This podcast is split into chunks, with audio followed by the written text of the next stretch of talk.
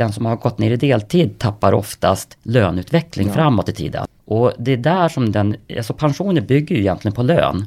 Mm. Och får du en sämre löneutveckling framöver i livet så kommer pensionen att påverkas. Så mitt tips och råd här det är ju faktiskt att man sätter sig ner med sin partner och eh, ser, går det att dela på deltiden? För att eh, oftast tittar man ju på familjen AB. Att det är mest lönsamt här och nu om, om du med lägre lön går ner i tid. Men skulle man då få in alla de här aspekterna fram tills man väl går i pension så skulle man då kunna se att det hade varit mer lönsamt att dela på deltiden. Välkommen till Min Pensionspodden. Idag ska vi prata om en särskild yrkesgrupp och deras pensioner, ingenjörerna. Och med oss i studion har vi Stefan Holmberg från fackförbundet Sveriges Ingenjörer. Välkommen till oss, berätta, vem är du?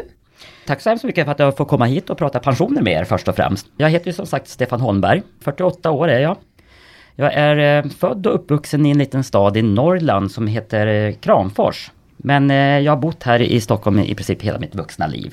Och vet ni en sak att jag har faktiskt jobbat med pensioner i nästan 30 år. Då. Wow, oh, så du är inte ingenjör själv?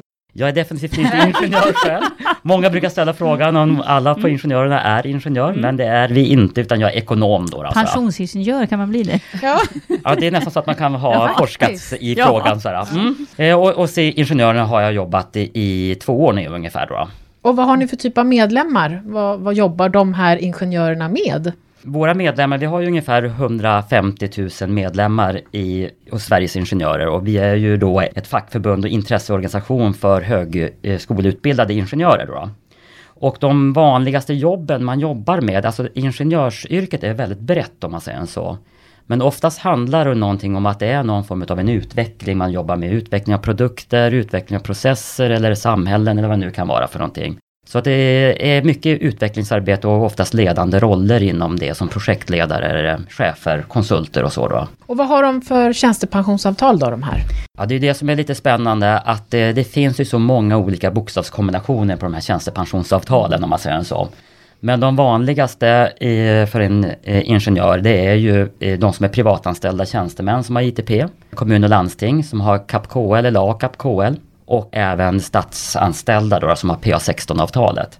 Men de kan ju jobba inom bank, försäkring, så där har man ju massa andra olika bokstavskombinationer. Eller annars jobbar man på en arbetsplats där det inte finns kollektivavtal. Oftast har man en pensionslösning där, men det är ju inte säkert eh, så att man ska ha lite koll just på vad som händer om det inte finns ett kollektivavtal där. Det där var ju väldigt många olika. Hur kollar man, alltså om jag funderar på vad har jag då? Hur, hur ska jag kolla det?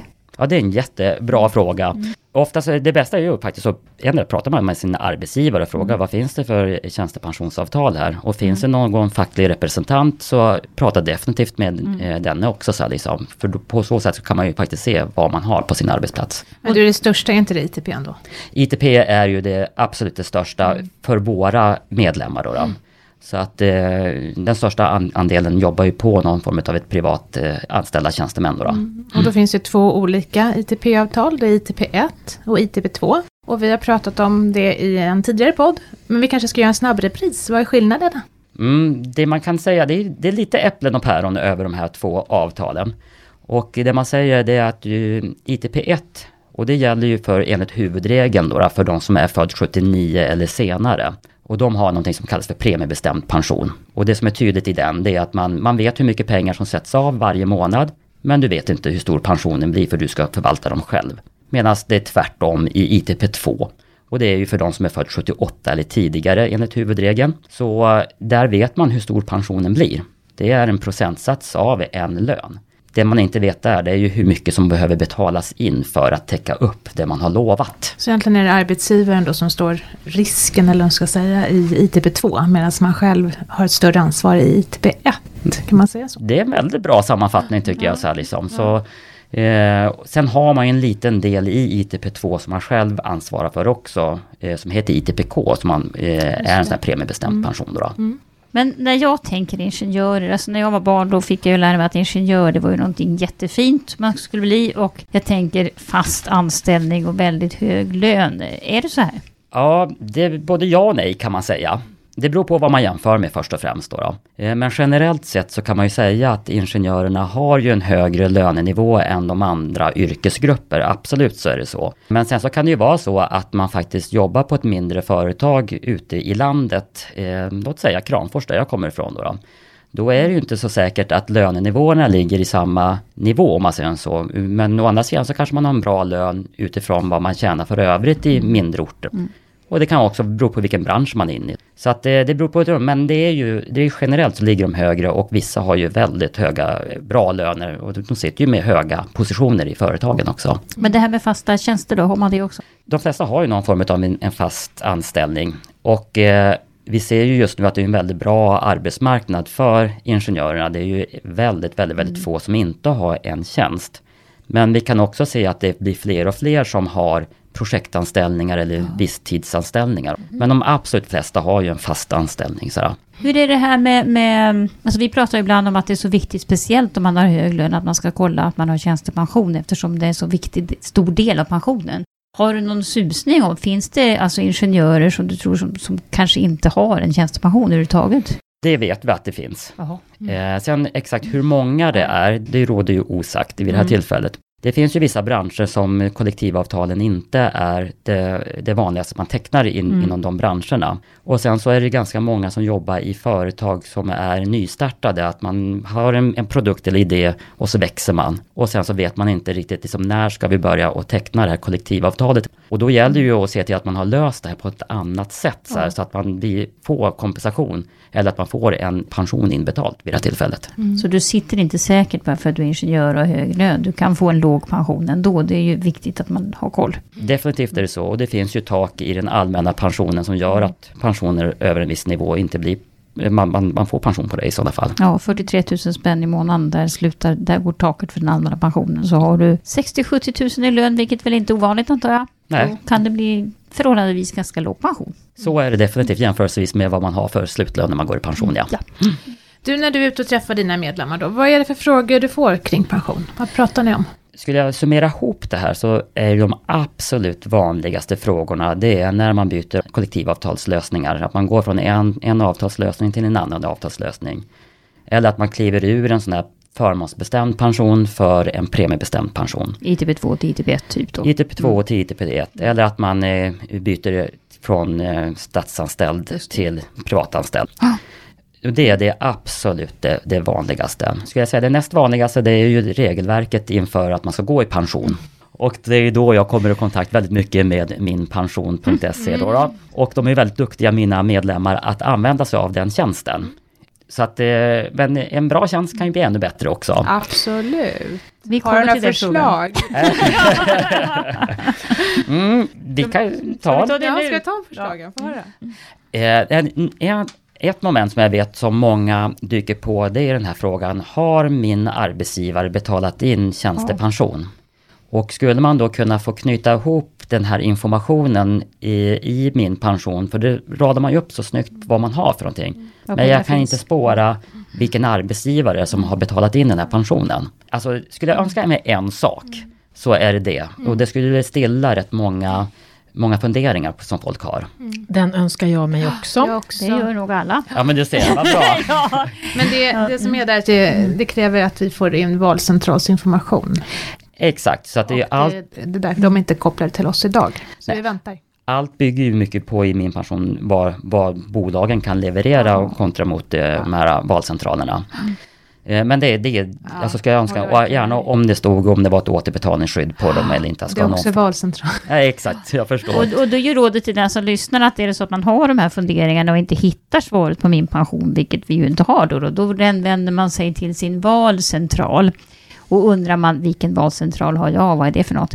Det är ju dit arbetsgivaren betalar in tjänstepensionspengarna. Så återigen, prata på jobbet, fråga vad kan valcentralen heta i det här avtalet? Och, och kanske har man fått ett rött kuvert. Man kan få ett rött kuvert, men man kan ha fått ett blåvita kuvert från ja, SPV absolut, också. Man absolut. kan ha fått alla möjliga konstiga kuvert. Så att, tyvärr så måste man fråga, tror jag. Och sen är det absolut vanligaste tillfället som jag får kontakt med personer i frågan som använt min pension, det är just inför pensioneringen. Mm. Och då gör man ju prognosen då. då. Och eh, där finns det ju också, ju mer, ju mer information ni kan få från de här olika bolagen, desto bättre blir prognoserna. Mm. Och det är ju det som man önskar att det, att det kommer bli mer, mer information i dem om man säger så. Mm. Och korrektare beräkningar. Jag menar att en del av, av, våra beräkningar, alltså min pension ska man ju också veta, är ju egentligen tänkt ursprungligen för att vara någon slags tjänst mitt i livet för att samla ungefär det här har du och, och, det här kan det bli. Så vet vi ju att den används mer som, som alltså en, en ut, ett uttagsinstrument helt enkelt. Mm. Som det ju egentligen inte riktigt var tänkt på från början. För att när vi räknar framåt utifrån ett, ett, en lön du har och ett innehav du har, pengar du har tjänat, så räknar vi ju lite grann med schabloner. Mm. Och det är klart, schabloner har ju sina fördelar, men, men inför ett pensioneringsbeslut så vill du naturligtvis ha mer exakta siffror. Eh, och vi brukar ju rekommendera, och det står ju även faktiskt på hemsidan, att man bör då kontakt, ta kontakt med respektive bolag där man har sina pengar. Precis. Jag vet inte vad du säger. Jo, exakt den frasen kommer alltid säga. Ja. Tänk på att det är ett prognosverktyg och ta kontakt med bolagen som då faktiskt eh, du har ditt sparande För de har ju exakta uppgifter och kan räkna ut hur mycket det kommer bli för dig. Men det är rätt intressant att du säger det här med mitten i livet. Det vore också snyggt om man skulle kunna ha någon form av en livshändelseprognostisering om man säger så. Att jag vet att jag kommer skaffa två barn eller någonting. Ja. Hur mycket skulle det kunna slå emot min pension utifrån schablontänk om man säger så. Mm. Det är en ja, intressant idé. Det är svårräknat men det, det, är absolut en idé. Absolut svårräknat men ja. väldigt, väldigt användbart ja. tror jag. Ja. Men du, eh, för att hänga kvar med det där. Det är ju en väldigt vanlig fråga det här när man går från ett avtal till ett annat. Och avtalen kan ju faktiskt, just den allmänna pensionen spelar ju ingen roll när du byter jobb. Det är samma sak för du deklarerar inkomst. Men när du byter arbetsgivare kan du få ett helt annat avtal. Vad ger du för råd där? Hur, hur ska man tänka? Var, var kan jag hitta information? Ett tydligt råd är ju faktiskt att, att prata med det bolag som då har hand om Oftast är det när man går från de förmånsbestämda pensionerna, mm. att man tar kontakt med Alecta vid det här tillfället och ser hur, hur, hur kan det här påverka mig om jag inte jobbar med det här avtalet fram till jag är 65 år. Mm. Hur mycket kan det här påverka mig då i sådana fall? Mm. Sen så brukar ju ett, ett tips och råd då vara att, liksom att ja, men se om du kan komma överens med den nya arbetsgivaren och göra någon kompletteringsinbetalningar mm. så att man kan väga upp lite grann om man eventuellt skulle förlora på det hela. Mm. Men eh, just det här, allt är ju förhandlingsbart om man ja, säger så. Ja. Men man bör ändå göra hemläxan här och, och ringa och fråga. Man bör göra det. Ja, eller ja, mm. ta kontakt heter det nu för tiden. Ja. De svarar inte när man ringer. Bra, då har vi klarat av detta. Mm. Mm. Jag tänker att ingenjörer är ju en ganska attraktiv arbetskraft även utomlands. Mm. Vilka råd ger du till de som är på väg att uh, flytta utanför Sveriges gränser? Vad ska man tänka på? Det jag brukar göra det är att försöka ringa in vad anledningen är att man ska jobba utomlands. Mm. Är det att man är utsänd från sin arbetsgivare under en kortare tid, då brukar det vara ganska ingen större fara om man säger så, för då omfattas ju de eh, ersättningar som du hade om du ska ha jobbat i Sverige. Men om du ska jobba längre stund eh, utomlands så blir man ju oftast lokalt anställd. Och det är då man behöver se över att kommer jag förlora på det här rent pensionsmässigt sett och då behöver man ju täcka upp det här på något vis och ofta så finns det försäkringar som man kan gå in och teckna vid de här tillfällena för att täcka upp det man, det man kan förlora i, i, i en svensk pensionslösning om man säger så. Så en sån försäkring bör man alltså teckna ja. innan man drar iväg? Man ska ja. prata om det och se liksom om det finns möjligheter ja. att göra det och eh, effekten av att man faktiskt flyttar utomlands och jobbar. Du tjänar ju in pension i det nya landet, eventuellt då hur pensionssystemet ser ut i det landet. Så att man får ju väga in flera aspekter i det hela. Men absolut så måste man titta över det hela. Mm. Sen brukar vi, när vi pratar deltid, så brukar vi säga att det, det, är egentligen de som kan få störst effekt på sin pension när det gäller att jobba deltid många år, är ju fast man har ganska hög lön. Eftersom du inte skyddas så mycket underifrån av garantipension och du kanske också förlorar ganska mycket tjänstepension om du till exempel går så att du hamnar under det här taket från när du har stor andel tjänstepension till lite mindre andel tjänstepension. Mm. Eh, hur tänker du här? Ger ni några råd här? Hur, vad säger ni? Ja, just i delpensionslösningar om man säger så. Ja, nu tänker jag deltid. Del... Deltid, deltid, små barn. Ja, just det. Nu ja. förstår jag vad du ja. Eh, det, finns ju, det finns ju egentligen tre tillfällen ja. man jobbar deltid. Ja. Så är det. Det är ju när man studerar, när man mm. får barn eller inför pensioneringen. Ja. Och eh, de som då skaffar barn, det är ju oftast de som tillhör ITP 1-avtalet. Mm, numera, ja. Numera så är det så. Det är ju fortfarande att man kan tillhöra ITP 2, men de, de blir färre och färre. Ja. Utav eh, naturliga anledningar. Mm. Men det man, det man kan säga så här är att i, finns det ITP 1-avtalet på sin arbetsplats, så första året som du eh, går på föräldraledighet och uppbär föräldrapenning, då förlorar man ingen pension i princip. Det finns försäkringar i ITP, premiebefrielseförsäkringen, som går in och betalar det arbetsgivaren skulle ha gjort. Och i den allmänna pensionen så täcks det upp av ett extra belopp man får under ett visst antal år. Eh, om man har lägst lön i familjen. Så att ett år, det är faktiskt ganska... Det är ingen Det större... funkar. Det funkar. Ja. Men sen är det ju efter den här tiden så är det ju oftast någon som går ner i, i deltid under några år oftast. Och oftast är det den som har lägst lön i familjen och oftast är det kvinnan. Rent generellt sett pratar jag nu då. Det man kan se här det är att du tappar ju avsättningar till pension, absolut gör Ja. du det. Och det blir ju en visst antal tusen kronor beroende på hur mycket du går ner. I slutändan så kanske inte det har så stor betydelse i antal kronor i min månadsutbetalning. Men det kanske det viktigaste vid det här tillfället det är att den som har gått ner i deltid tappar oftast löneutveckling framåt i tiden. Och det är där som den, alltså pensioner bygger ju egentligen på lön.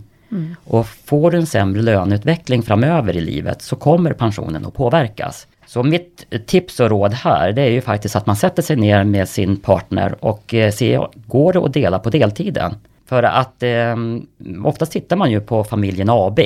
Att eh, det är mest lönsamt här och nu om, om du med lägre lön går ner i tid. Men skulle man då få in alla de här aspekterna fram tills att man blir 65 eller nu när man väl går i pension. Så skulle man då kunna se att det hade varit mer lönsamt att dela på deltiden. Sen ska jag faktiskt komma med ett instick också, eftersom vi nu handlar om människor med ganska höga löner. Det här med barnårsrätten som du sa, att man får extra komplettering i den allmänna pensionen om man har barn under fyra år och är den som tjänar minst.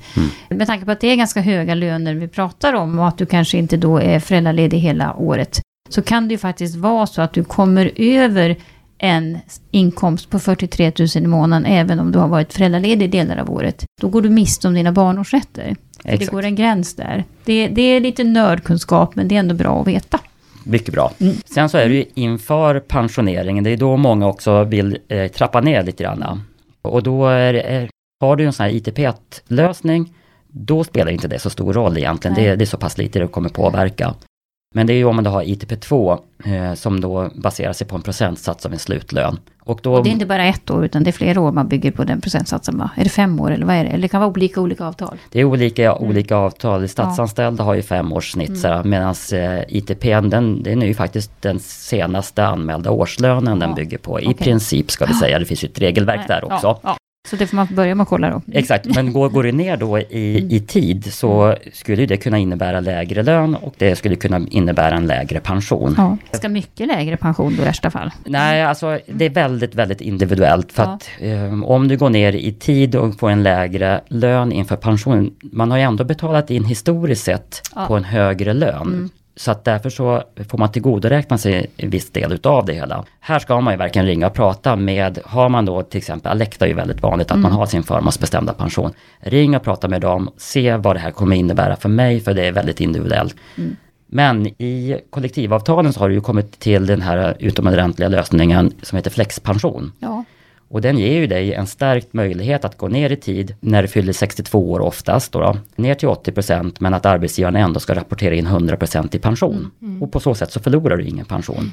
Men men det är ingen rättighet men man har en stärkt möjlighet att göra det här. Ja. Men det generella rådet kan då vara att är det så att du vill jobba deltid efter 60 så bör du ändå kolla ganska noga vad som gäller för din pension. Absolut ska man göra. Allt som påverkar ens lön ska man egentligen säga. Kontrollera det faktiskt. Ja. Liksom, att, så att inte man står där sedan efteråt och har gjort beslut som var väldigt bra då men man ångrar sedan kanske. Men vi har en fråga till också, om man nu vill jobba längre, för det är ju inte helt ovanligt nu för tiden. Att man Nej. vill göra det. Hur funkar det då i de här avtalen?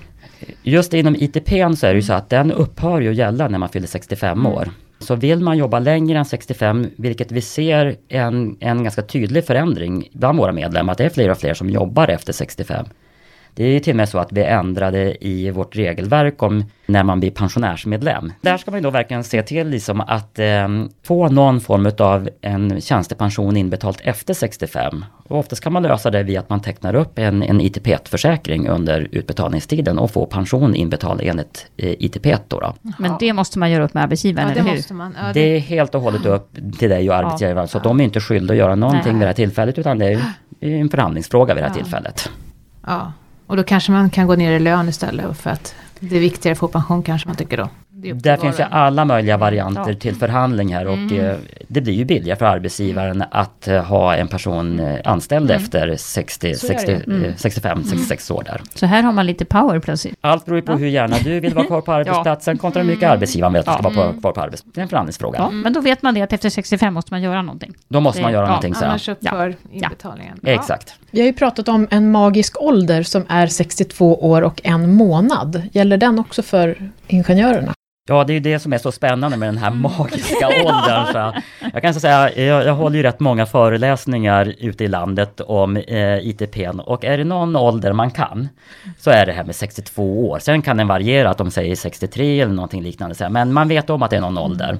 Och anledningen att många som känner till den, det är ju för att de som då har ITP2, ska man gå tidigare i pension så brukar rekommendationen vara att ja, men jobba fram till du är 62 år och en månad så man har kommit över gränsen då. då. För den bygger ju trots allt på en procentsats av en slutlön. Men det är ju det att någon måste betala in den här fram till 65. Och om man gör det här då vid 62, eh, slutar du jobba då, då betalar inte arbetsgivaren in någonting. Men då går en försäkring in och betalar det arbetsgivaren skulle ha gjort fram till du blir 65 år. Och därför förlorar du ingen pension. Men gör man verkligen inte det? Eh, alltså får du inte ett annat delningstal, det vill säga att pengarna ska räcka fler år? Alltså är det verkligen same same? Nej, du måste ju sluta och jobba Ja. i pensioneringssyfte för att ta ut det här då. Så den månatliga pensionen blir ju lägre i och med att det är flera år den ska betalas ut. Men inbetalningarna blir ju likadan om Ja. man säger så. Ja, jag så det är det. helt rätt. Så. Men inte för den allmänna pensionen. Nej, den allmänna pensionen tappar man ju också om man går i 62. Den allmänna pensionen den påverkas ju men i och med att det är ju också en sån här typ av premiebestämd Ja. lösning Ja. så skulle man slå ut det på antal kronor i månaden efter du har betalat skatt Ja. Nej. så, så är, mycket. brukar inte det vara det mest avgörande i, Nej. i det här tillfället. Men, men man ska inte, för att jag tror ibland att man kan tro att, jaha, jag går vid 62 år en månad så får jag samma pension som om jag skulle gått vid 65 och riktigt så är det ju inte. Så är det definitivt Nej. inte. Du ska ju ha de här pengarna räcka tre år längre om man Ja. säger så. Exakt. Men Ja, vad det bra, då har vi klarat viktigt. ut det. Men, Ja. men det, återigen då, det här gäller för ITP2, så är du statligt anställd, alltså med ett statligt avtal eller ett kommunalt avtal eller någonting, då, då gäller inte det här för dig. Nej, de har andra regelverk just Mm. Ja. utifrån den här aspekten om man säger så. Ja. Men jag jobbar ju med ITP så Ja. det är det jag pratar om. Så. Ja. Mm. Vi bara talar om att det, allt gäller inte för alla. Nej, Som så är det vanligt- verkligen. Som Så. vanligt i de här poddarna känns det som. Ja. Det gäller att koll på sin bokstavskombination Ja, som ja. Men, men det här med att jobba längre, det säger du, alltså det, det märker du redan nu att det är ganska attraktivt för dina medlemmar. De gillar det. Alltså jobba efter 65 då, inte efter 62. Ja, just det. Ja, men eh, vi märker ju definitivt att eh, vi får fler frågor om vad som händer Mm. eh, efter 65 år. Och jag tror det har mycket att göra med att man har uppmärksammat att man troligtvis kommer att flytta gränsen när man kan få plocka ut den allmänna pensionen. Mm. Så eh, tror jag liksom att i samband med den resonemanget och att man ska ha rätt att jobba längre på sin arbetsplats också, så är det många som frågar hur, hur funkar då försäkringarna för mig efter 65? Ja, ja. Det är en ganska vanlig fråga jag, jag får just nu. Och sen så märker man ju också att det, är- det är ju en annan, kanske en annan typ av anställning man har också efter de har jobbat 65. Det är många som fortsätter att jobba som egna företagare, som egen konsult och sådana saker ting också. Men frågan eh, har blivit mer och mer vanligt, absolut så här. Alltså att det är fler som, ut, utifrån att tolka utifrån det, så är det fler som jobbar Ja. efter 65. Men det här med försäkringar och sånt är kanske något man måste fråga om på jobbet också då, hur det funkar om man fortsätter. Det tycker man definitivt Ja. ska göra. Så man har som förståelse för vad som händer om jag blir sjuk och sådana saker och ting under, efter jag fyllt 65 år. Du, det finns två magiska åldrar, 62 år och 65 år. Och sen har vi det här med lägre skatt, då är det 66 år också. Ja, du ser. Ja, ja. Nu har vi nästan pratat om fällor och Ja. tips här hela podden, men är det något speciellt som du tycker att dina ingenjörer ska ha koll på när det gäller pensionen? Ja, det man kan säga rent spontant så det är ju det att, eh, att man inte ska fastna i anställningar som inte har någon form av tjänstepensioner. Nej. Och det är, det är lätt hänt att man, att, att man gör det. Och titta gärna om det finns kollektivavtalade pensioner för då är det någon som har faktiskt sett till att det, att det är schyssta villkor. Och det är ju oftast lägre avgifter i dem så att det blir ju mer värde för de pengar som betalas in för mig. Så det är ju absolut det jag tycker man ska ha koll på. Och sen så är det det här med deltid, att se, se till att det blir kompenserad där och då om du går ner i deltid, oftast när man har barn så här, för det finns tyvärr inga garantier att ni efter 30 år fortfarande är tillsammans. Och det kan ju vara så att jag har finansierat att någon är hemma med barn med min egen pension som man inte tänker på. Eh, jag skulle vilja lägga till för eh, unga på väg in i den här branschen att det är också viktigt här. Vi ser ju att eh, inträdesåldern ökar ju. Alltså man blir äldre och äldre när man faktiskt börjar jobba, börjar tjäna egna pengar och kanske jobbar heltid. Inte minst bland de som har högskolestudier bakom sig. Och det är väl ganska viktigt att tänka på att även om du har en hög lön och bra lön, har du börjat jobba när du var 32 så kan det påverka din pension ganska negativt. Så det, det, det är klart, då är skadan redan händ, men, men då kommer vi in på vårt kärnbudskap. Gå in på minpension.se och kolla verkligen vad som gäller för dig. Lär dig dels vad din pension heter, alltså din tjänstepension, vad den heter för någonting. Och kolla vad du faktiskt får, vad du kan räkna med för, för pension i förhållande mm. till den lön du har nu. Sen får jag ju väldigt mycket frågan här med hur ska jag då, vilka val ska jag, hur ska jag välja Stefan? Och ofta så får jag frågan, Stefan hur, vad har du valt? Så här, och, eh, jag är ju min person med mina unika förutsättningar så det som är bra för mig behöver inte vara bra för dig. Du är inte ens ingenjör. Jag är inte ens ingenjör, men jag har i alla fall ITP då. då. Men mitt tydliga råd här då till de som har en aktiv ITP, det är ju faktiskt att man går in på ett eh, ställe som heter rådgivningstjänst.se där man får ett digitalt råd. Hur man kan placera sin pension, behöver man ha extra skydd vid efterlevande och sjukdom. Och den kostar mig ingenting och är helt oberoende. Vem är det som står bakom den? Bara? Så typ... Det är PTK som står bakom den och det är en förhandlingsorganisation kan man säga. Eh, för alla privatanställda fackförbund. Så Sveriges Ingenjörer har gett dem ett sådant uppdrag att ha en sån tjänst. Och eh, de står ju under Finansinspektionens tillsyn och de är certifierade rådgivare som står bakom tjänsten. Men då måste du ha en, en, jobba i ett företag där du nu har en aktiv inbetalning Eller har du haft va? Nej, du måste ha en aktiv ja, ITP. Mm. Så att någon ja. måste betala in en ITP-försäkring mm. nu för att man ska kunna ge ett råd hur du ska kunna placera de här framöver. Då, då den i kombination med min pension, ja men ja, har man det som privatanställd tjänsteman, ja men då har du full koll på vad du har för pensioner och du vet vad du ska göra för val. Mm. Och så vet du nästan vad valcentralen heter också. Då vet du nästan vad ja, valcentralerna ja. heter. Så här. Och för oss som är privatanställda tjänstemän så är det enkelt, vi har Collectum som valcentral, att det är ju enkelt för oss. Verkligen.